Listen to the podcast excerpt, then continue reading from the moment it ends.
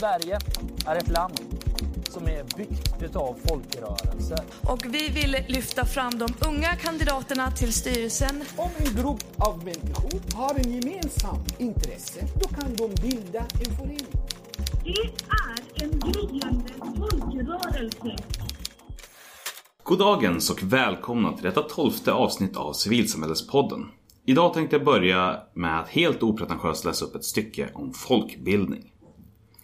Syftet med folkbildning är att på ett demokratiskt och jämlikt sätt få medborgarna i samhället att ta till sig ny kunskap och nya värderingar genom exempelvis studiecirklar, bibliotek, konferenser och föreläsningar eller Civilsamhällespodden utanför den traditionella skolvärlden.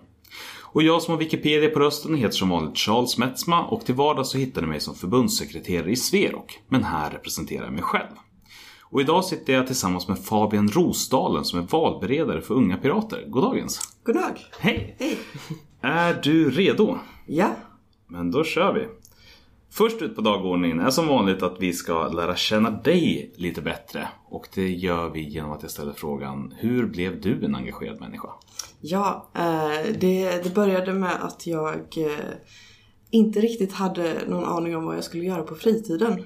Eh, det var när jag pluggade på högskolan så, så letade jag efter någonting att göra på fritiden helt enkelt. Och eh, tidigare så hade jag varit lite engagerad i politiken och mer mer tyckt att så här, ja, men det, det finns inget parti som passar mig. Eh, och sen så kom jag i kontakt med Piratpartiet. Eh, och eh, helt och hållet baserat på deras namn faktiskt. Eh, för jag har eh, sedan jag var liten så har jag alltid så här, ah, men jag vill bli sjörövare och jag vill bli pirat när jag är stor. En, Eh. en sån faktisk sjörövare som kapar oljetankers eller en sån Ja. romantisk karibisk? Ja, mer en så här romantisk eh, karibisk Ja. sjörövare. Eh, jag tittade mycket på Pippi Långstrump när jag var liten. Mm. Eh, så, så då tänkte jag att Piratpartiet, dit kan jag väl gå och testa då. Eh, sen av en händelse så råkade jag ju hålla med dem om deras politik också. Så det var ju eh, bra sammanträffande. Ja. Så, så då kollade jag helt enkelt upp eh, Ung Pirat som är då deras ungdomsförbund. Och hur gammal var du här då? Det här var 2014, nej 2013 var det. Fyra år sedan. typ. Ja. Ja. Eh, så jag var 21 då. Mm.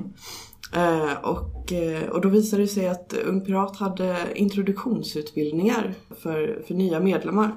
Så man kunde få en gratis resa till Bryssel och besöka Europaparlamentet. Så då tänkte jag att ja, det är ju gratis att vara medlem så, så varför inte. Så då åkte jag med på det och sen var jag fast efter det. Eh, Och mitt eh, första förtroendeuppdrag var väl då in i Karlshamn där jag bodde själv eh, och var själv pirat. Så, så jag fick driva en lokalavdelning helt ensam och så, så var jag ju ordförande och effektivt alla andra platser i styrelsen där också. Men eh, efter ett halvår så blev jag också invald i styrelsen, i förbundsstyrelsen då. Och det var faktiskt helt av en, av en slump. Eh, jag trodde att jag hade tackat ja till, eh, till att bli, bli ombud. Så, så när jag kom dit så såg jag då mitt namn uppe på, på projektorn när de skulle presentera kandidater till styrelsen och jag var helt så här. Va? Men nej, nej, jag har inte kandiderat. Det här är ju jättekonstigt. Så jag hade ingen aning om vem som hade nominerat mig eller något sånt där. Så, så jag drog tillbaks min kandidatur till, till ordinarie ledamot. Så eh, kom det fram massa personer till mig som jag inte kände och bara ja men, men jag hade tänkt rösta på dig och jag, jag ville ju ha med dig i styrelsen. Och jag blev helt så här förvånad och jag fattade inte varför. Tydligen så, så hade ganska många sett att jag var aktiv då i, i Karlshamn där jag eh, hade min eh, lokalavdelning. Och jag hade hamnat i tidningen och sånt där men jag trodde att det var något helt vanligt för, för folk som hade lokalavdelningar. Eh, så, så tydligen så ville fler ha in mig så då eh, fortsatte jag kandidera till suppleant där. Det var sista året som vi hade suppleanter i, i styrelsen med. Så då eh, kom jag in som suppleant där och eh, sen dess så har jag suttit i förbundsstyrelsen och eh, avgick eh, då denna kongressen nu som var för två veckor sedan ungefär. Mm. Och då äh, återigen så vill jag påminna om att du spelar in ganska långt i förväg så det här blir typ 12 veckor sedan när du lyssnar. Ja, ja. Men ja, men jag måste ändå fråga, hur kommer det sig att du just sökte dig till partipolitiskt engagemang när du kände att du inte hade någonting att göra? Alltså någonting innan måste det väl ha varit som... Ja, alltså det var en generell eh, frustration över samhällsläget. Eh, Jag har alltid känt att ja, men ingen annan kan eh, representera mig på riktigt för, för jag är unik. som, eh, som så otroligt många andra är. Men, eh, men det var väl mest en så här frustration över, över hur politiken fördes i samhället och eh, tänkte liksom, ja men om jag ändå letar efter någonting att göra på fritiden så kan jag ju kombinera det med att försöka förändra världen.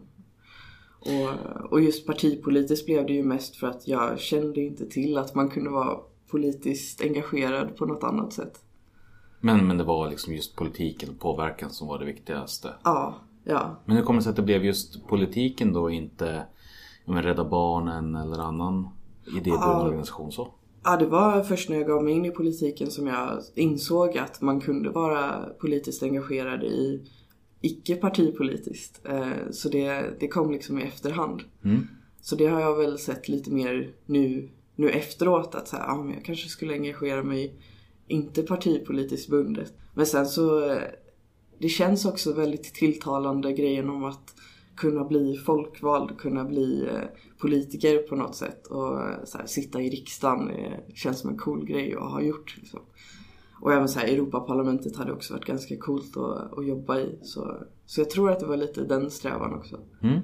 Men när du säger att det var här du blev engagerad. Men du hade också en egen avdelning i Karlshamn som, där du var den enda engagerade. Hur, hur liksom gick den här bristen på kunskap om hela föreningslivet och att driva det helt själv ihop? Hur, hur funkade det? Alltså det, det var väldigt mycket tack vare den dåvarande förbundsstyrelsen. De, de hjälpte mig väldigt mycket. Och också Mattias Bjärnemalm som eh, var, han är en väldigt så här gammal pirat men eh, han satt i eh, Europaparlamentet som kanslichef åt Amelia Andersdotter just då. Och han hjälpte mig ganska mycket. Och så här, var där och peppade den och typ, ja ah, men du kan gå ut och dela ut flyers eller du kan göra det här. Och, eh, Av en sen så- händelse så är jag ju gammal sverockare också. Ja, jo men precis. Det är därför typ hela Ung Pirats eh, stadgar och uppbyggnad eh, baserar ju sig ganska mycket på Sverok. Eh, vi har ju väldigt många gamla Sverockare som är såna här föreningsnördar. Eh, och sen så, eh, jag, jag har väl alltid intresserat mig för struktur och har tyckt att, eh, att sånt är nice. Så, så när jag blev presenterad en så här mötesformalia så kändes det som att det passade mig som eh, handen i handsken. Det var, det var helt perfekt. För, och sen helt plötsligt så då blev jag en utav de här eh, formalia nördarna. Men hur fungerade det själva övergången för dig då? För jag kan tänka mig att efter ett tag så måste det ha ändå funnits några fler engagerade hemma i Karlshamn. Eller var det ett ensam race hela det, vägen? det var helt ensam Ja. faktiskt hela, hela vägen. Det var, det var några få som dök upp eh, på några grejer men det var inga som var direkt eh, som fortsatte liksom. Och jag höll igång, jag hade så här föreläsningar och grejer dit det kom typ 100 pers och, och sånt där, eh, där jag hade någon som typ pratade om upphovsrätt eller något sånt där. Så det var ganska mycket aktivitet också i, i det hela och, och jag träffade tidningarna och radion och sånt där och blev intervjuad och sånt ganska ofta. Men, eh, men det var fortfarande bara jag som var aktiv i, Eh, i föreningslivet där med, med Ung Pirat och Piratpartiet också då. Sen så flyttade jag ifrån Karlshamn och då dog allting ut helt och hållet. Eh, och jag flyttade till, eh, till Göteborg där jag hjälpte till att starta upp aktiviteten som, som vi har där nu som är ganska regelbundna träffar med några återkommande så det, det är nice. Har du haft några andra engagemang utöver Piratpartiet eller har du stannat inom rörelsen där? Ja, tidigare så har jag varit, eh, mitt eh, så här, ungdomsengagemang typ startade väl eh, efter jag hade konfirmerat mig så blev jag konfirmandledare. Så då började jag ju lite med sån här ungdomsverksamhet. Typ. Sen efter det har det inte varit speciellt mycket mer än inom studentlivet och på högskolan. Men när du var engagerad i skolan, var det bara fritt då eller var det organiserat på något sätt? Ja, det var i studentföreningen. Så det var eh, sexmästeriet och, och sånt där. Så, Så jag var fadder och tog hand om de nya nollorna och sånt. Jag hoppade över hela nollningen själv och eh, gick över till att vara fadder direkt. Men, eh, men det, var, det var spännande. Eh, jag har väl alltid liksom tyckt om att engagera mig i liksom events och projekt och allting sånt som har med, ja men man ska leka, typ ungdomar. Eh, Sånt där, lära känna varandra och sånt.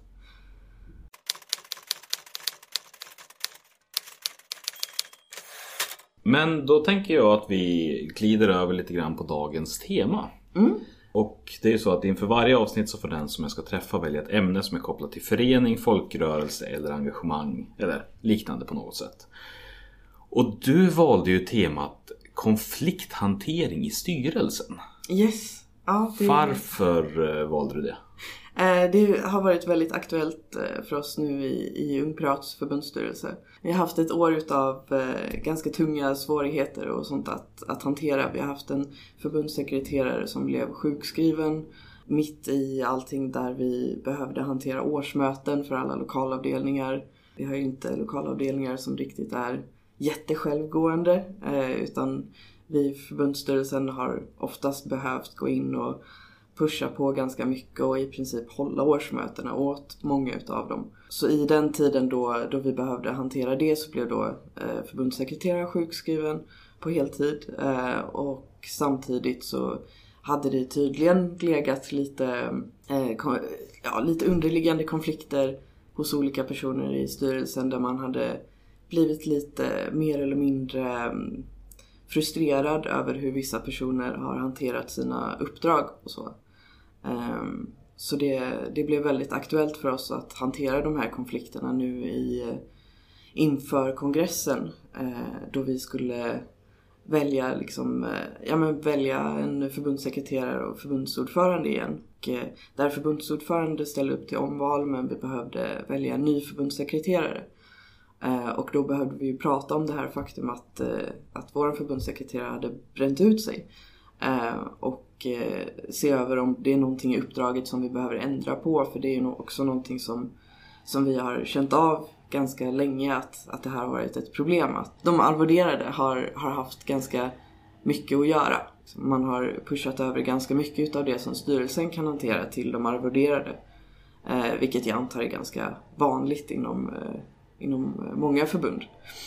Men eh, så då, då blev det liksom att eh, i, i och med det här pratet om, om hur vi skulle hantera det med förbundssekreteraren för vi pratade om att kanske anställa någon och ha en generalsekreterare istället eller någon typ av kanslist som kunde hantera alla så här, livsnödvändiga grejer för förbundet. I den diskussionen så kom det ju då också upp det här missnöjet med Eh, över hur vissa hade skött sina uppdrag, både ledamöter och eh, arvoderade. Och, ehm, och där märkte jag väl lite att vi har inte riktigt några eh, rutiner över hur vi hanterar konflikter i styrelsen. Eh, vi har tränat ganska länge på att ge varandra positiv feedback och man ska så här, säga vad man tycker är bra med de andra och, och allt sånt där. Och det, det är ju ganska bra i sig liksom att eh, man försöker peppa varandra och säga att ja, men du är jättebra på att prata eller du är jättebra på att hantera årsmöten och du är bra på att ringa medlemmar och sånt där. Det, det är ju bra att lyfta fram varandras styrkor men eh, vi har inte tränat någonting på att ge varandra kritik. Eh, och det tror jag har, har märkts ganska väl i den här konflikthanteringen. Att eh, det är ganska mycket som så här har varit under ytan och nu så här bubblat upp och och man så här inte riktigt har några rutiner för att få ur sig de här eh, frustrationerna. Och kunna berätta för dem som man är frustrerade på att, att man är missnöjd med hur de till exempel jobbar utan att få det till bli ett bråk. Det är någonting som jag verkligen vill, eh, vill ta med mig därifrån. Att, att se till att ha rutiner och, och träna på att ge varandra kritik. Eh, också väldigt viktigt. Går det på något sätt att beskriva det som ni gick igenom mer ingående utan att för den saken skulle liksom gå in på så så här, den sa det och den sa det. Men jag tänker så att vi får en bild av vilken typ av konflikt det är så kan vi sen gå in och titta på hur, hur ni, ja. löste det och tog igenom det. Ja, rent generellt sett så, så var det ju att ehm, eh, de arvoderade har ju vissa arbetsuppgifter och vi har ganska länge varit medvetna om de, att de här arbetsuppgifterna som står nedskrivet då är inte riktigt re representerar vad, vad man kan göra och vad man kanske borde göra som arvoderad. Så det har funnits någon slags praxis om att den som är arvoderad själv bestämmer lite vad den ska göra eh, och vad den vill fokusera på inom det här uppdraget. Och då har det funnits lite konflikter inom bland, bland ledamöterna kring vad man anser att den arvoderade ska göra. Konflikter som har varit uttalade eller outtalade? Outtalade då. Eh, kring att eh, vissa har ansett att de arvoderade har prioriterat sin tid fel eh, medan vissa har ansett att det har varit eh, fullt rimligt. Eh, problemet där är att ingen har eh, faktiskt berättat för, för de arvoderade vad, vad man har tyckt utan eh, vid varje tillfälle, vid varje förbundsstyrelsemöte så har vi eh, så inleder vi liksom med att de arvoderade ska rapportera kring, kring vad de har gjort och så kan man ställa frågor och, och allt sånt där. Och normalt sett brukar de gå förbi ganska eh, okonfliktfullt. Ja, det är mer utan frågor eller utan, Ja. utan det är bara så här, ja, tack. Ja men precis, man bara säger tack och så går man vidare liksom.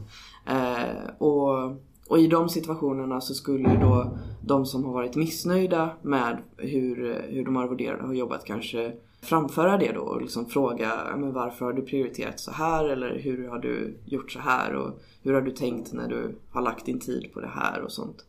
Eh, men det har aldrig framförts så, så då har ju de arvoderade inte riktigt vetat varför eh, eller så här, vetat om att, att det finns eh, missnöje kring hur de prioriterar sin tid. Vilket ju då har gjort att de inte har kunnat anpassa sig efter det.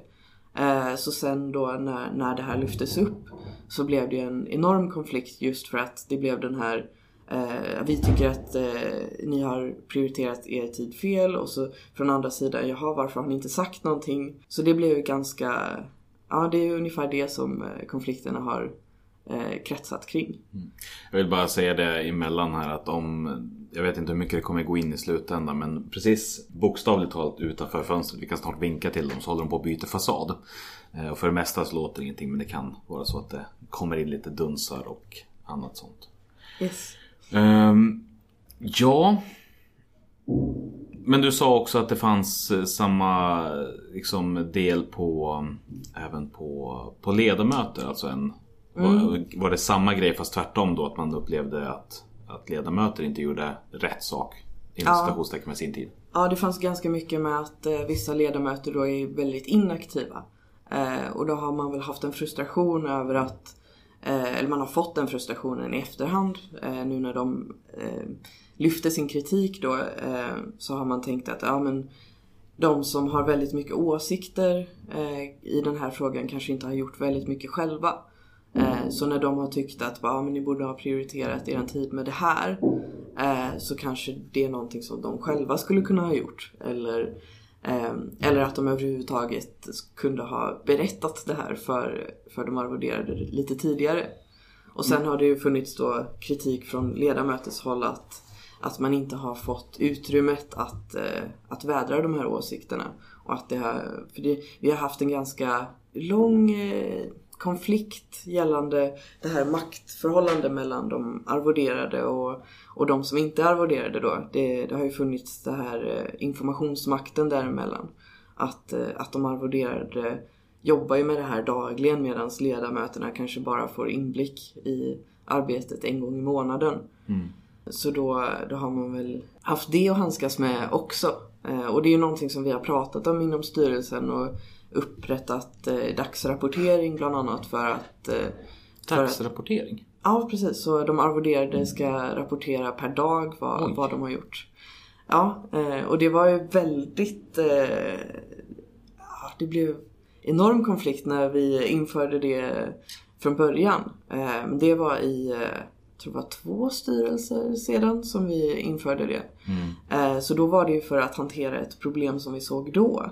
Eh, Och sen så har det här levt kvar medan man kanske i den nya styrelsen då inte riktigt har förstått varför man har haft den här dagsrapporteringen. Så då, då har det väl blivit lite mer att man, man läser inte ens dagsrapporteringen i vissa fall.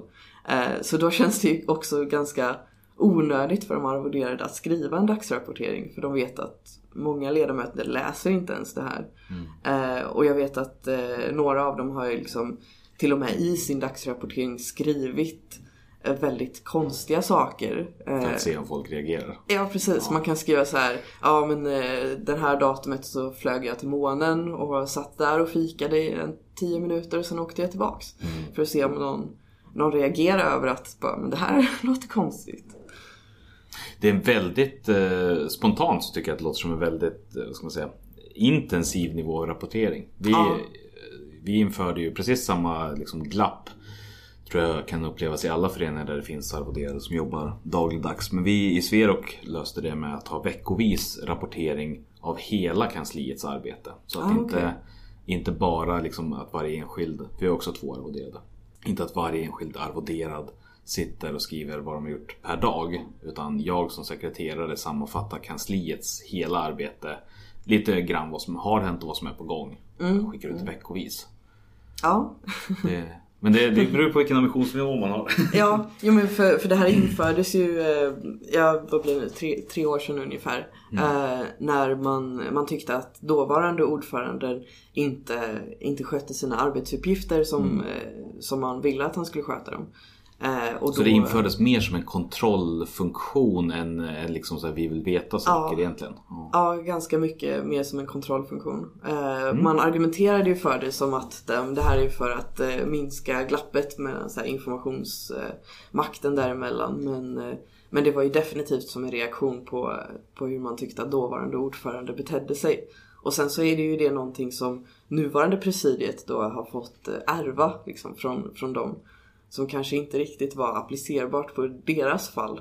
Och, och sen har man ju märkt det här att för samma kritik som var mot dåvarande ordförande, det här med att man prioriterar sin tid fel, dök ju upp även nu. Men, men här såg man inte att dagsrapporteringen var någonting som man kunde använda för att, eh, för att få bort det här eller för att upptäcka eh, det här. Utan där såg man väl mer att nej men min känsla är att, att ni har eh, prioriterat fel och jag ser vad ni gör liksom rent så här, sociala medier och sånt där. Så, så då har man väl inte riktigt använt dagsrapporteringen så som den var tänkt från början. Men det går, ju, det går ju att dra ganska många slutsatser från att man har en upplevelse av att, av att en person gör fel, man får dagliga rapporteringar och sen så kan man ändå inte peka på varför. Det låter som en, en väldigt spännande situation där det liksom ligger någonting annat bakom egentligen. Ja, ja, vi lyckades aldrig riktigt komma till botten med det här för det, det blev bara en sån här, ja men jag tycker att du har prioriterat fel och sen så försöker man så här, ja men kan du peka på var du får den här informationen ifrån? Var, varför tycker du att jag har prioriterat fel? Och, och då har det väl mer varit en magkänsla. Eh, och det är ju ganska svårt att dra fram som bevis. Men skulle du säga att det huvudsakligen att allt det här uppkom liksom baserat på eh, bristande kommunikation eller skeva förväntningar? Jag tror lite, lite utav båda där. För bristande kommunikation har vi definitivt haft. Där har blivit lite bättre i och med att vi har satt upp en egen eh, chattserver. Eh, där vi har haft ett eget rum på chatten då för, för förbundsstyrelsen där vi har kommunicerat eh, ganska ofta. Eh, mycket oftare än de eh, tidigare styrelserna jag har varit med i i alla fall. Eh, så den har varit ganska positiv. Och sen så införde vi eh, eh FS online där vi träffas online utan att ha ett riktigt eh, formellt möte. Eh, där vi bara träffas för att så här, prata om hur, hur är läget och vad, vad borde göras och behöver vi, vi hjälp med någonting och så vidare. Eh, så vi har infört ganska många eh, praktiska saker för att eh, förbättra kommunikationen. För det, det såg vi under tidigare styrelser att det, det var någonting som fallerade ganska hårt. Eh, men sen så var det just förväntningarna tror jag var... Men, men innan vi går vidare där. Att ni valde att lägga då fokus på kommunikation som, som ändå jag uppfattar som informell eller på något sätt utanför styrelsen. Gjorde det skillnad att, att ha ett mer socialt umgänge som jag uppfattar att det var mer än, eller var det ett jobbfokuserat eller uppdragsfokuserat eh, Ja, det, umgänge? Vi har försökt att ha det mer som ett socialt umgänge och vissa har varit mer eller mindre effektiva på att använda det som ett socialt umgänge. Jag personligen har haft ganska svårt över för det här sociala umgänget i och med att jag är ganska selektiv med, med vilka jag tycker om att umgås med. Eh, och då har jag väl mer sett det här som ett, så här, vi måste samarbeta för att vi sitter i en styrelse men jag kanske inte vill hänga med alla utav er på fritiden. Men där har väl mer, vi har väl mer försökt dra in det här sociala samtidigt som eh, det har varit ganska svårt att, att få till det här pratet om om att så här, ansvarsutkrävande när det kommer till att, att vara varandras kompisar samtidigt. Och det, det har ju varit också någonting som vi har sett eh, som ett, ett ganska stort problem. Det här med att det kanske blir lite svårare att ställa krav på någon som, som man är kompis med i styrelsen. Eh, och det har ju också blivit ganska många så små, små grupper och små, små gäng inom styrelsen. Hur många har ni varit totalt i styrelsen när du satt? Eh, jag tror vi var 11, Mm. tror jag. Något sånt. Eh, tillsammans med presidiet då. Ja. Eh, som då var två personer. Ehm, och då har det upprättats liksom små grupper inom det här med små kompisgäng där man har haft ganska tajta eh, connections. Det har ju oftast varit personer från, från samma eh, del av landet. Så, så här, de från eh, den här staden, liksom, de eh, blir en liten tajt grupp för de åker till och från eh, styrelsemötena tillsammans och sen umgås de i lokalavdelningen och sånt. Eh, och där har det väl varit ganska mycket så vi upptäckte med, med de här konflikterna att det fanns liksom olika läger. Och, och det har väl varit ganska svårt att, att föra någon typ av kommunikation bara ledamöter emellan. Vi har haft ganska få tillfällen att träffas bara ledamöter för liksom socialt häng eller bara för att, för att prata om, om ja, styrelsearbetet eller vad, Men, vad det nu men vad hade varit fördelen av att träffas utan de arvoderade? Ja, jag tror att det hade varit för att, eh, för att det fanns så mycket frustration mellan vissa utav de här grupperingarna och presidiet. Ja. Eh, Så de kände sig hotade utav presidiet eller de kände att de... Jag vet inte exakt vad, vad de kände men det, det fanns någon Nej, men jag tänker, typ av... hade, det, hade det inte varit liksom mer lämpligt att ta den diskussionen med alla involverade? Eller, alltså jag tänker för att den typen av organisering kommer ju också generera ett starkare vi och dem Mm. känsla på något sätt, eller? Ja, det var mer den här att, eh, att resten utav ledamöterna som, eh, som då inte ingick i den här gruppen som hade, hade problem med presidiet, de var ganska... Eh, de kände liksom inte riktigt till vad, vad problemet var. Eh, så jag tror att, eh, att det kändes för, för vissa att presidiet körde över eh, ledamöter. Att det kändes som att när man gick in i ett förbundsstyrelsemöte så var det alltid naturligt att det var att det var ordföranden som skulle leda allting och det var alltid eh, sekreteraren som skulle liksom backa upp där och, och att allting skulle ledas utav presidiet. Eh, och där blev man väl lite så här om, om man hade problem att lyfta någonting till presidiet eh, så kanske man hade haft lättare att lyfta det inför andra ledamöter som då hade kunnat så här, diskutera men hur ska vi ta upp det här till presidiet eller hur ska vi gå vidare med det här och sånt där.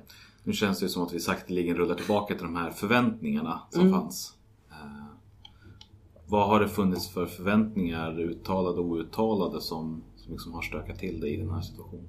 Ja, jag tror att, eh, att det har varit ganska mycket för att vi, vi har varit typ två ledamöter ungefär som har haft ganska lång eh, styrelseerfarenhet. Och sen så har, eh, hade resten kommit in ganska nya. Några hade suttit liksom ett år men inte varit så aktiva innan. Så då tror jag att det, det har funnits den här bilden utav att presidiet är de här allsmäktiga som de kan allting och de eh, ska göra allting och de får ju betalt för att göra det här på heltid så då, då kan de göra allt eh, och ledamöterna ska kanske åka till vissa styrelsemöten och sitta och tycka om vad, vad vi ska ta för beslut men, men inte göra så mycket utöver det. Eh, så jag tror att det är lite den förväntningen som har funnits och sen vi som har varit med eh, längre kanske har haft eh, andra uppdrag som vi har varit mycket mer fokuserade på och sånt där. För att vi har redan haft den perioden då vi fokuserade som mest på, på förbundsstyrelsen och numera sitter, sitter kvar lite mer som kontinuitet. Så, så det är väl ganska mycket utav förväntningarna där som har varit ett problem tror jag. Just för att de har varit olika eller för att, de inte har, att ni inte har pratat om vad det är som gäller? Jag tänker på det du sa tidigare också med att en del av arbetsuppgifterna som finns nedskrivna de skiter man i och så tar man på sig andra för att det är så man har gjort. Och att liksom, Ja, jo det, det har varit ganska mycket med att eh, många saker som har setts som självklart från vissa individer eh, ju inte har sett som självklart från andra individer. För alla tänker ju på de här uppdragen som väldigt olika.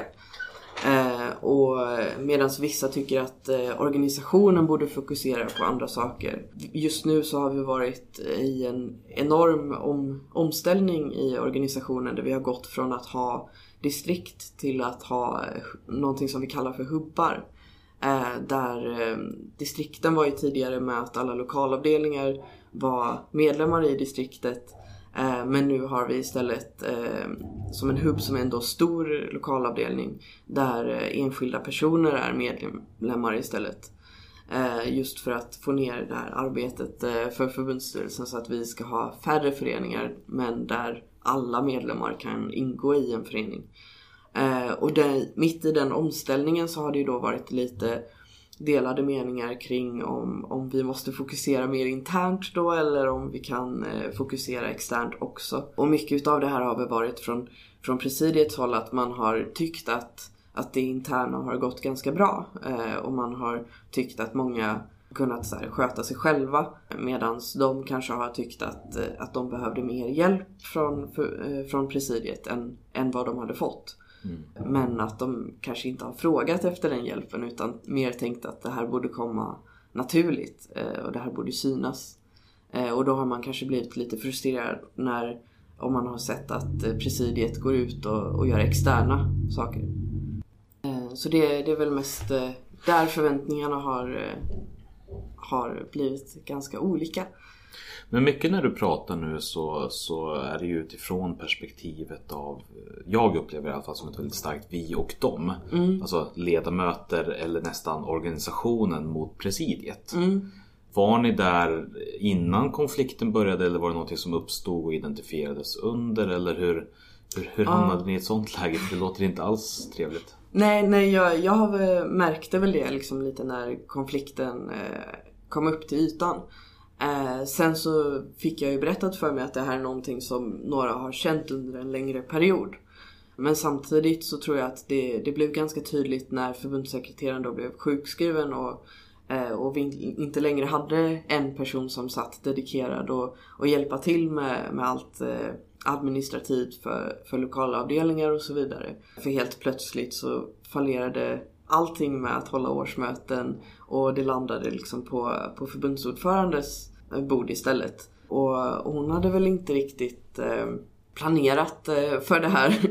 och, och, samtidigt så, så fanns det också konflikter mellan eh, förbundssekreterare och förbundsordförande kring hur man hade hanterat hela grejen med sjukskrivningen. Eh, för vi har haft en ganska lång tradition av att vara ganska dåliga arbetsgivare åt våra arvoderade. Okay. Um, så, vilket eh, tyvärr då har lett till en, sån här sjukskrivning och, och det är ju någonting som vi absolut måste hantera under detta året. Och, och, där är det väl mer, mer den här att i och med att det fanns en sån konflikt mellan, mellan de två i presidiet också eh, och då den här underliggande eh, frustrationen från några ledamöter så blev det ju också att Eh, konflikten blev så mycket större än vad den skulle kunna varit. Eh, för då kunde man inte riktigt prata med presidiet som, eh, som en grupp heller. För där fanns en frustration mellan de två. Och sen så fanns det frustration mellan, mellan olika ledamöter och mellan några ledamöter och presidiet. Så det var ganska mycket som hade eh, lagts på hög, tror jag. Ja. Men vart började ni då för att försöka nysta i det här och ta reda på vad är problemet, varför är folk ledsna och sen hur började ni arbeta med att faktiskt göra någonting åt det? Vi, eh, vi kom till ett förbundsstyrelsemöte i, eh, i februari eh, och där vi hade kanske inte riktigt planerat att ta upp det här men, men vi hade definitivt sett att det är någonting som vi måste hantera för det folk går runt och är lite småsura på varandra och vi vet inte riktigt varför. Och hur länge hade det då liksom gått och grott? Ja, det hade väl gått och grott i kanske ett halvår. Ja. Eh, men, eh, men det som jag hade varit medveten om där hade väl pågått i kanske två månader eller något sånt. Så, så det blev liksom ja, lite den här på plats där, hur ska vi hantera den här konflikten? och där ångrar jag ganska starkt att vi inte hade planerat mer för att hantera den konflikten. Eh, för vi hade nästan bara så här, ja men vi sätter väl oss ner och pratar. Eh, vilket inte gick speciellt bra. Och eh, vi hade vi hade revisorn där som hade tillkallats dit utav eh, av några inom styrelsen som ville ha en extern person där som kunde sitta och eh, liksom se över allting och vara den här eh, Den förnuftiga, opartiska. ja den här opartiska förnuftiga personen. eh. Men, eh, men vår revisor är också en eh, den tidigare förbundssekreteraren så han hade väl, han var väl inte jätteopartisk i, i det här heller. Um, så han föreslog ett system där vi skulle eh, skriva upp alla arbetsuppgifter som de presidiet har. Eh, och, så skulle leda, och så skulle presidiet eh, gå ut i rummet och så skulle ledamöterna ranka de här eh, uppgifterna kring så här hur, hur mycket vi tycker att de har fokuserat på det här från så här skala typ 1 till 5.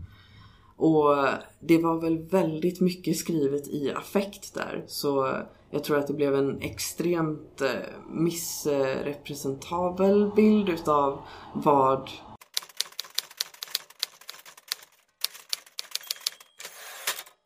Ja just det, eh, så, så den här eh, listan blev då ganska mycket skriven i, i affekt där då eh, många ledamöter var liksom ja ah, men det här har de inte fokuserat någonting på.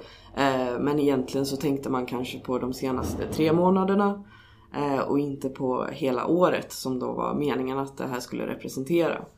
Ehm, och, eh, och då när presidiet skulle komma tillbaks och titta på de här siffrorna så blev det ju också väldigt eh, sårande för dem tror jag. Eh, Ja, det är klart det blir om man recenserar ett helt års arbete utifrån väldigt liten Ja. snäv del i affekter. Ja men precis. Eh, och, och nu i efterhand så blir jag ju verkligen så här bara Fan att vi gjorde det på det sättet. Det var, det var nog det absolut sämsta sättet man skulle kunna Ja, kanske inte absolut sämsta men bland de sämre metoderna man kan använda för, för en sån grej. Eh, för där blev det ju, jag menar de blev ju jätte jätteledsna över att se de här. Eh, och sen så kunde ju vi som ledamöter inte heller motivera det här. Eh, för vi hade också blivit tillsagda att, eh, att vi ska presentera det som grupp och inte som enskilda personer. Så när det då när vi skulle läsa upp motiveringen så blev det också att den som hade antecknat vad vi hade sagt eh, hade väl också antecknat det lite utifrån sina egna perspektiv och inte kanske tagit med andra perspektiv.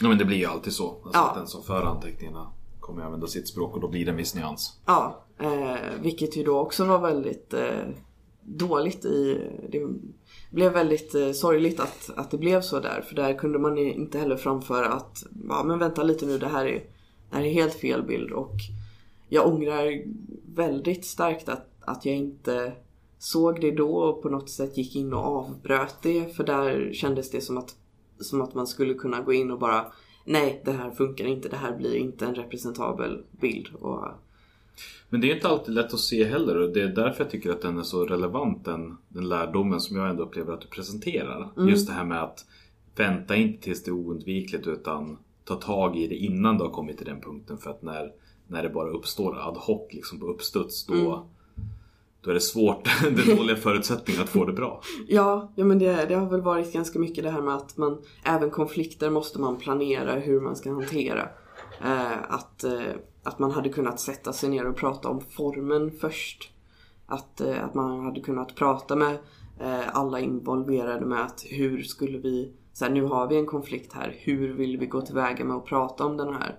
Eh, Medan vi egentligen var ganska stressade och, eh, och behövde hantera det här med att vi inte hade någon som ställde upp till förbundssekreterare. Eh, och kongressen skulle vara liksom om, eh, om typ så tre veckor. Och, och vi behövde fortfarande hitta någon som kunde vara förbundssekreterare eller bestämma oss för att byta ut hela strukturen kring det och kanske ha någon anställd eller liknande. Så, så samtidigt som vi sitter med den här konflikten så sitter vi ju också så här, fan vi måste ta de här besluten och vi måste skriva klart alla handlingar eh, och vi måste fortfarande så här, göra massa grejer inför kongressen.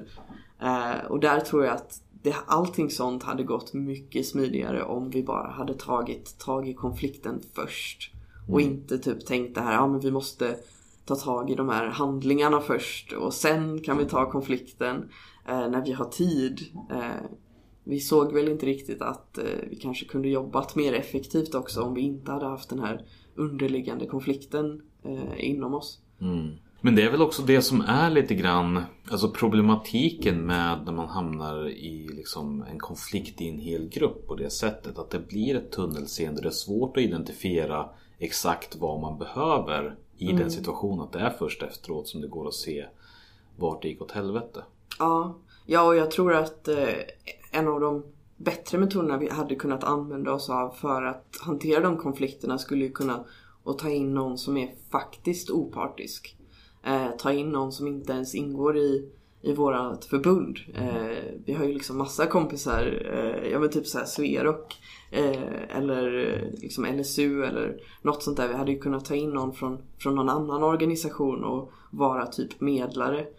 Eh, för nu blev det istället att alla som var med i den här konflikthanteringen hade ju någon slags part i, i det hela. Även om det var revisorn så, eh, så hade ju han också fört ganska mycket diskussioner med, med förbundssekreteraren innan. Vilket ju var ganska rimligt i och med sjukskrivningen där.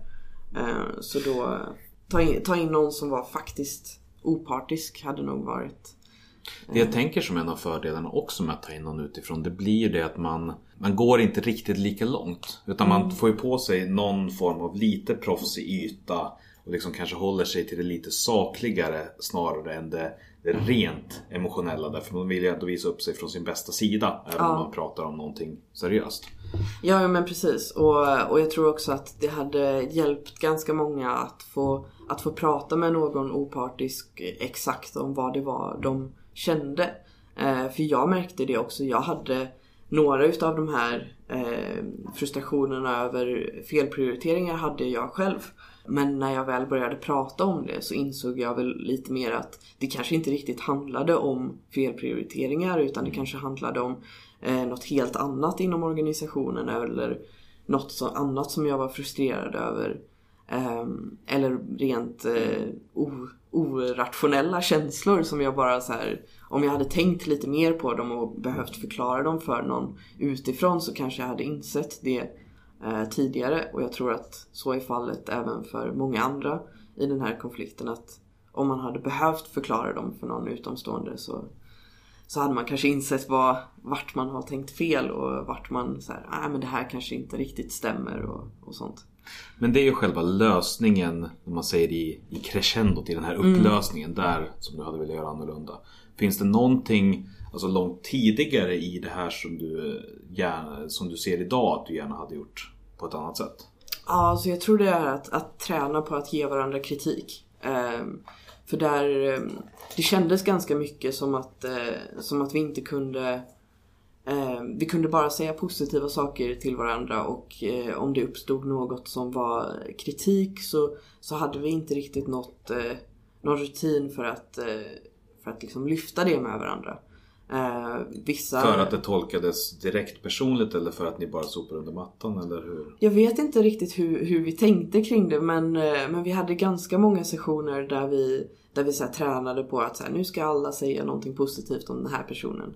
Eh, Medan vi kanske skulle haft någon träning där vi så här, nu ska alla säga någonting om den här personen som vi tycker att den kan förbättra. Eh, eller något sånt där, hur man presenterar kritik utan att det blir ehm, personligt. Var det uttalat att inte säga negativa saker till varandra eller var det någonting som bara blev av att ni jobbade så mycket med att säga positivt? Jag tror att det, för det, det var aldrig uttalat eh, utan det eh, om någon skulle få för sig att så här, men jag vill ge kritik till den här personen då eh, tror jag ingen hade stoppat den. Eh, och vi hade ju även de här dagsrapporteringarna där vi, där vi nästan så här ville att folk skulle kritisera och där vi ville att folk skulle ställa frågor kring varför de gjorde si och så. Eh, men jag tror att det var just att vi fokuserade så starkt på, på allt det positiva så då, då blir det också lite, lite konstigt att dra upp det negativa mitt i en sån övning. Ehm, så jag tror att, eh, att vi som grupp hade behövt träna mer på, på kritik och hur man framför kritik. För det märkte man ju nu också när nu när vi väl framförde kritiken så, så blev det ganska personligt. Så det, det Men också för att den kom så långt senare i processen när man hade Ja. hunnit bygga upp så mycket. Oh ja. Oh ja. Eh, det var lite för mycket känslor i det för att kunna presenteras sakligt tror jag. Men jag tror också att om vi hade, om vi hade tränat på att typ säga ja men jag tycker att du äter glass på fel sätt. Alltså så här, att man tränar på ganska konstiga saker. Att så här, ge kritik kring saker som man inte riktigt behöver stå för. Eh, så hade man också fått någon slags form kring hur framför man kritik när det faktiskt gäller. Men den typen av ifrågasättande då, gällde det bara alltså, det som personer gjorde eller fanns det en kultur av att inte ifrågasätta någonting alls? Att det var någonting, alltså även när det kom till arbetssätt eller organisation i stort eller? Ja, pirater har ju varit ganska bra på att ifrågasätta på kanske inte de mest konstruktiva sätten. Eh, vi har haft ganska mycket med att man eh, om man är missnöjd över någonting så går man ut på, i så här Facebookgruppen och skriver det publikt med att så här, ah, här i styrelsen är jättedumma och de gör så här och så här. Eh, när man kanske egentligen skulle tagit det personligen med dem. Eh, mycket för att vi har den här eh, transparenskulturen, den här enorm transparens. Eh, där i princip allting som, som man tänker att ja, men det här kanske vi inte ska publicera publikt eh, anses vara censur. Så, så jag tror att det, det har funnits den här kulturen kring att ta upp kritik på ett ganska dumt sätt. Alltså mer offentligt? Ja, mer offentligt så. Och, och kanske inte riktigt det här med att man ska prata med folk eh, enskilt. Men det där är spännande hur, hur det kan växa åt olika håll. För att där jag kommer ifrån, Sverok, så har vi också väldigt liksom, stark eh, kultur av transparens. Det är alltid ett aktivt beslut att dölja någonting, inte att visa någonting. Liksom. Eh, men där har det inte utvecklats det finns ju ett par individer som alltid väljer den offentliga vägen när de är missnöjda. Men väldigt många som ändå, alltså det här ifrågasättandet är ändå någonting positivt och någonting som sker ganska naturligt upplever jag. Även, även personer emellan. Att, det, att transparensen snarare har blivit ett verktyg för att kunna ifrågasätta, inte, inte tvärtom. Ja, det, det, det låter ju fantastiskt. Men sen så är det klart att det inte funkar alltid Ja. men, men alltså att, eh, att det ändå kan växa åt så olika håll. Mm. Ja, för jag tror att det har varit mycket det här att man... För sån problematik har vi mer sett inom partiet. Eh, vi har ju sett ganska stora skillnader mellan eh, vilka typer utav individer vi har inom partiet och vilka typer utav individer vi har inom, inom ungdomsförbundet som, som det oftast är. Eh, men, men här har man väl lite försökt stävja den här att man, man ser att vi vill inte ha in den typen av beteende här. Så då är det kanske bättre att vi fokuserar på att vara positiva mot varandra. Eh, och kanske inte riktigt tagit upp det här med att vi behöver också kunna framföra kritik till varandra. Så även fast det kanske inte har aktivt eh, liksom undanhållits och aktivt eh, förnekats att vi behöver ge varandra kritik så har det också inte tagits upp på något naturligt sätt. Nej, det har bara i, i en tyst konsensus försvunnit. Ja, ja lite så. Men eh, okej, så prata om det tidigare. Och det är ju en generell grej också för att allting är så mycket mindre i Ja. början än när det, när det har fått gå lite tid. Ja, och också att här blev det ju, blev ju jättemånga konflikter som blev liksom samlade i ett enda samtal. Eh, där vi hade liksom det här med sjukskrivningen och hur vi hade hanterat det. Där, där var ju också väldigt eh, jobbigt liksom från, från många parters del. Eh, där vi liksom insåg att fan, fan vi är ju arbetsgivare. Shit, det har vi inte tänkt på innan. Eh, det här med det så här, när man måste prata med Försäkringskassan och, och vår förbundssekreterare han behövde liksom gå dit som att säga hej, det är, jag är sjukskriven bla bla bla. Och så här, ja, ja, och så behöver jag prata med din arbetsgivare. Bara, ja, det är också jag. Eh, Jag vill att jag ska ringa ihop årsmötet eller kan vi ta det du och jag? Ja, ja men precis. Eh, Där Försäkringskassan sa ju liksom att nej men så får du inte göra. Så här, du kan inte vara både den som är sjukskriven och den som är arbetsgivare i, i den här frågan. Eh, och, och där behövde man ju liksom ringa in styrelsen egentligen. Men, men det, styrelsen hade ju ingen aning om hur man skulle hantera det här. Ja, men det, det där är ju en, en spännande fråga i sig. Just den här skillnaden mellan att vara anställd och arvoderad och hur, hur man egentligen löser det. För Ja. det fungerar ju så länge allting fungerar. Men det är sen allting, när, när det inte fungerar så, så tenderar det att gå liksom sönder ganska ordentligt. Ja, och jag tror att många myndigheter också kanske inte riktigt är vana vid, vid de typen utav eh, liksom, att, att få in en arvoderad som, eh, som behöver eh, sjukpenning. Liksom. Det är kanske inte någonting som händer dagligen i deras verksamhet. Men bortsett från att liksom prata med varandra då, Finns det någon annan så konkret grej som du önskar att ni hade gjort annorlunda eller som du har lärt dig eller som? Alltså det är väl eh, mestadels det här med att, eh, jag menar, att träna på det, sätta i rutin, att, eh, att kritisera varandra. Men, men, liksom, men också det här att, att försöka se de grupperingarna som finns inom styrelsen och liksom ifrågasätta dem också. Så här, är det verkligen eh, Eh, bra att liksom just de här personerna alltid sover i samma rum och eh, alltid bara liksom går på lunch med varandra, alltid är de som pratar med varandra.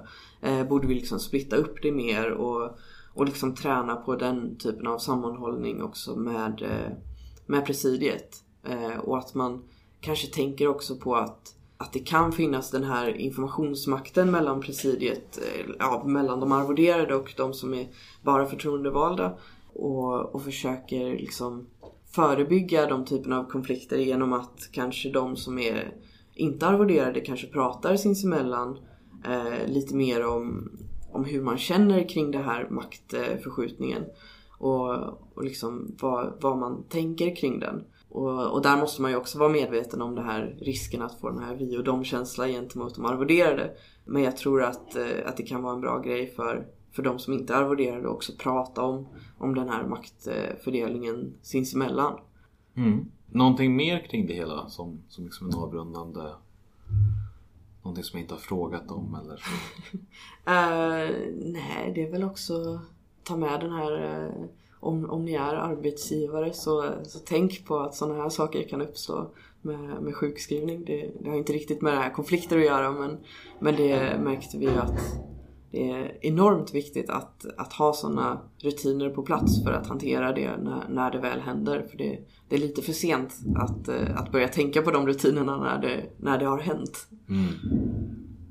Jättespännande och tack för att du för att delade med dig. Det är ju svårt antar jag också att försöka vara neutral och beskriva någonting som ändå är Ja. så pass, så Oh, pass ja. nära i tiden och vad jag förstod inte helt liksom såklart uppklarat innan ni, ni gick åt varsina håll. Nej, Många nej det blev... eh, Det, det ska bli väldigt spännande att se hur, hur styrelsen fungerar från och med nu. Jag eh, gick med i och eh, jag gick med på att kandidera till, eh, till valberedningen just för att jag ville fortsätta ha en lite, litet öga på, på det här och liksom vara där och, och hjälpa till. Så som valberedare så kommer jag ju också ta, ta ett ansvar för att se till att det fungerar för, för den sittande styrelsen också. Se till att eh, om de behöver någon som hoppar in eh, och, och hjälper till med liksom, arbetsförhållanden eller konflikter och sånt så kan jag finnas där. Men eh, även fast det inte riktigt är det som är valberedarens uppgift så, så får man ändå så här det här incitamentet av att fi- befinna sig på, på styrelsemöten och, eh, och hjälpa till i vilket fall. Men är det någonting positivt då att lägga sig i det, alltså Mm, lägga sig i det som man har lämnat? redan? Ja, alltså där är väl mer att, att jag inte vill eh, lämna det här eh, helt i, i kras. Liksom. Jag hjälpa till att bygga upp det. Eh, nu efter kongressen så har vi ju då fått mer beslut från kongressen kring hur, hur de tycker att vi ska hantera det här. Vi hade ju ganska mycket konflikter gällande om vi skulle fortsätta ha en arvoderad eller inte. Om vi skulle eh, byta, till, eh, byta förbundssekreteraren så att vi skulle få en kanslist. Och Eh, Det avgjordes ju lite i valet om eh, vem som skulle bli vald till förbundssekreterare. Eh, Det här var väl den första kongressen på flera år som vi faktiskt hade olika kandidater och kunde liksom ha, ha någon slags debatt eh, kring vem som skulle bli vald. Mm. Eh, Och i det valet så ingick ju då man fick liksom köpa hela paketet med att om man väljer den här personen så får vi den här typen av eh, styrelse. Om vi väljer den här så får vi en annan typ.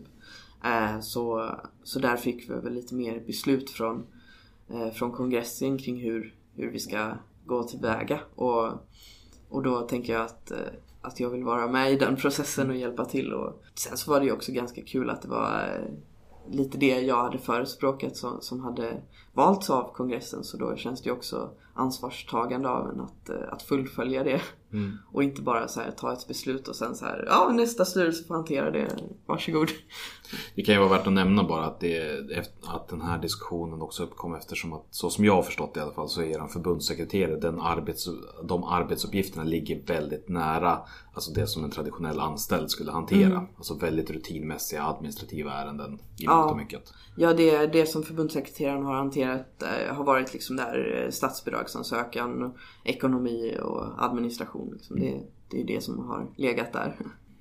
Spännande. Det känns som att det finns, finns mycket, mycket kvar att lära men, men samtidigt så känns det, den här biten om att, att faktiskt prata med varandra som, som lite utav en universallösning som kommer att lösa det mesta. Oh ja. För att då får man ändå reda på vart man står och vart, vart det gör ont. Ja, och att man verkligen behöver ta tag i det. Här blev ju utfallet blev ju liksom att vi hade ledamöter som, som så här sitter och gråter under, under eh, mötet och jag själv var en av dem som eh, mitt under det här bara så här kan inte hålla mig, bara sitter så här tårarna flödar och så man sitter och nästan skriker på varandra liksom. Och för att undvika den situationen så eh, prata tidigt.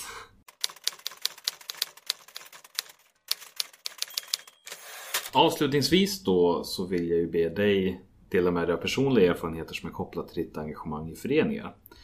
Eh, Och tanken här är ju då att du får berätta om något som du eller din organisation har lyckats bra med. Liksom en framgång eller en sådär. Någonting du är stolt över. Och sen också ett misslyckande liksom där. Någon, någon gång när, när allt gick åt helvete var du lärde dig av det. Nu kan jag, får du välja någonting annat då än helt det här avsnittet som, som lite grann har varit åt det hållet. Ja, ja. Och Du väljer själv vilken ordning du tar dem. Ja, men vi får väl börja med det, med det negativa då. Eh, och där var väl mer den här att, eh, att jag eh, ångrar ganska mycket mitt, eh, mitt engagemang när jag var ensam i, i Karlshamn. Att jag, att jag inte bad om hjälp där.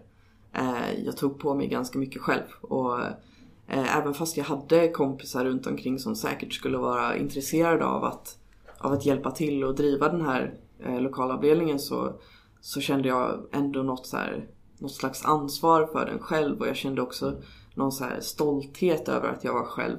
Men, eh, men samtidigt så innebar ju det att när jag flyttade därifrån så, så dog allting ut. Eh, och jag tror att om jag hade bett om hjälp mer och, och aktivt försökt rekrytera istället för att prata med, med journalister kanske så, så, hade det, så hade den eh, lokalavdelningen kanske fortfarande levat kvar. Eh, så, så där är den här liksom att, att våga be om hjälp, var inte så stolt över, eh, över att kunna göra allting själv. Det, Det där kan jag verkligen känna igen mig i. För att mina två första år som ordförande, första gången jag var ordförande, då var det då liksom gjorde jag någon grej av att om jag skulle samla all information, alla beslut, allting liksom skulle gå genom mig. Jag liksom sög åt mig verkligen allting och den här stoltheten i martyrskapet av att äh, det är så mycket. ja, Eh, och hur pass engagemangsdödande det var för resten. Och sen när jag liksom växlade om att säga, nej men ut, bort så mycket som möjligt från mig. Alltså vilken total skillnad det blev. ja, att lära sig delegera också. Det, det är verkligen någonting. Det, det var ju också när, när jag åkte liksom på en kongress och och liksom fick berätta, fick stå där som den här martyren och bara så ja ah, men det är så jäkla mycket att göra nu och det är, det är skitjobbigt och jag har det här, så här, jag ska hålla en föreläsning och sen ska jag prata med journalisterna där och så ska jag hålla ett bokbord på den skolan och jag ska göra allting själv och, och istället för att bara så här, ja men kanske finns någon annan som kan göra någonting utav det här. Ja men framförallt insikten av att även om man har gjort det med någon annan så kan man vara lika stolt över det. Ja, ja men precis. Och, och också att jag har märkt det nu i senare tid när jag har försökt praktisera det här lite mer så, så har jag ju märkt det här att man faktiskt blir ännu mer stolt över den personen som, som gör det här sen när man eh, om jag har delegerat en uppgift till någon annan och den sköter den liksom perfekt så blir man ännu mer stolt än om man hade gjort det själv. Att man säger wow, jag har lyft fram den här personen. Och sen se den här personen sen växa i förbundet. Och kanske liksom ja, men komma upp till, till någon så här förtroendepost som man ser att den verkligen passar på. Och man sitter där och bara yes, det var jag som så här, fick in den här personen. Och bara yes! Och att man, att man liksom Ja men man får komma ihåg det här med att, eh, att det kan vara en enorm så här, stolthet och, och verkligen se att, eh, att de personerna som man rekryterar in och gav uppgifter att de, att de kommer en bra bit inom förbundet och man kan se, se vad de faktiskt åstadkommer. Men sen också insikten av hur jävla mycket mer skit som blir gjort. När man liksom har lagt lite energi på att engagera någon än att bara göra det själv. Ja, oh ja. Oh. Alltså eftersom att det liksom sprider sig utåt. Ja. Sen. Ja för sen blir det ju att om den personen har lärt sig det att ja men den här, eh, så här bara, men Fabian hade jättemycket på, på sitt bord och sen så eh, gav han bort lite till mig, jag kanske ska göra samma sak själv. Och att man lär ut den praxisen liksom, kring att man delegerar och man försöker få in nya personer till att göra det här. Och, eh, då, då växer det ju exponentiellt. Och stoltheten då. Skrytet. Någonting som du känner att fan vad grymt. Ja, men det, det måste nog ändå vara... Alltså det, jag får ju vara lite eh, hypocrite i det hela och säga då att, eh, att mitt engagemang i Karlsson var ganska coolt eh, med att jag, eh, jag lyckades få det så pass att eh, när personer såg mig på stan så, eh, så kunde vissa så här komma fram till mig och de ville prata politik och sen så berättade de att, eh, att deras bild utav Piratpartiet var, var jag. Eh, och där blev man ju lite så här, ens narcissism bara såhär wow! Ens ego bara mm, växte som fan. Eh, men det var också ganska kul för att eh, helt plötsligt så hade jag ju liksom fått upp ögonen för, för det här partiet eh, för folk som kanske inte aldrig hade, kanske annars liksom inte hade, hade sett det överhuvudtaget. Så där var mitt, mitt engagemang eh, där precis i början var är jag ganska stolt över ändå. Eh, även fast jag önskar att jag hade gjort det annorlunda så ser jag ändå så här resultatet var ganska coolt Mm. i efterhand. Men det är Eh. klart att man kan vara stolt över någonting som man sen i efterhand önskar att man hade gjort annorlunda då. Ja, ja men precis. Och, och sen så blir det väl också att man nu ser liksom engagemang i, i, i den lilla staden som så här, ah, men det här är mitt lilla område och man så här, eh, när folk pratar om liksom hur hur de tyckte att det här sköttes där och, och när de så här, ja ah, men jag läste en tidningsartikel om det här och någonting och så kan man härleda det tillbaks till sig själv och att man säger ja ah, men det var jag som skrev den, nice. Men det är ju skönt att veta att ens engagemang, alltså jag tycker i alla fall om det känns så otroligt mycket. När jag vet att jag har gjort någonting och sen får bekräftelse av extern källa att det var bra eller det åstadkom det som jag ville. Det är ju så jävla häftigt. Ja, och jag har varit ganska engagerad i att eh, lära ut programmering till barn. Eh, och bara här i förrgår var det så, så höll jag en eh, inspirationsföreläsning för, för ett gäng som skulle bli handledare då. Eh, och den känslan efteråt när jag satt kvar vid, vid diskussionen och de refererar till, till min presentation när de ska prata om så här positiva saker och bara så här, ja men som, som Fabian sa i sin presentation så det här och man, man växer väldigt mycket som person där och bara så här, åh gud vad coolt det jag har lärt någon, någon annan någonting liksom. Så det, det är kul och eh, jag tror rent generellt sett att jag är bra på att inspirera och eh, även tycker det är enormt kul att, att inspirera andra. Så det, det är nice. Ja, men jag skulle vilja rikta ett jättestort tack till dig Fabian för att jag fick komma och hälsa på här hos er. Tack så mycket. Eh, Och jag vill också tacka dig som har lyssnat. Eh, Använd Facebook-sidan som heter Civilsamhällespodden för att diskutera dagens avsnitt. Eh, och på hemsidan civilsamhallespodden.se så finns det också ett formulär som du kan fylla i om du skulle vilja vara med i podden.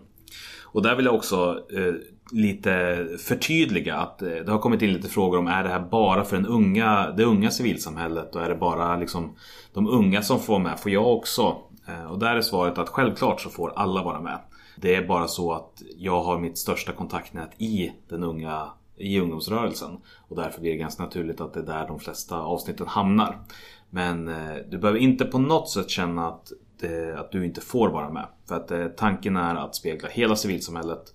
Men som jag sa någon gång i typ avsnitt 7 så är det lite grann utav en dåres ambition att ändå ta på sig den enorma, enorma rock som det innebär att försöka spegla det som utgör så otroligt stor del av vårt, eh, vårt liv tillsammans.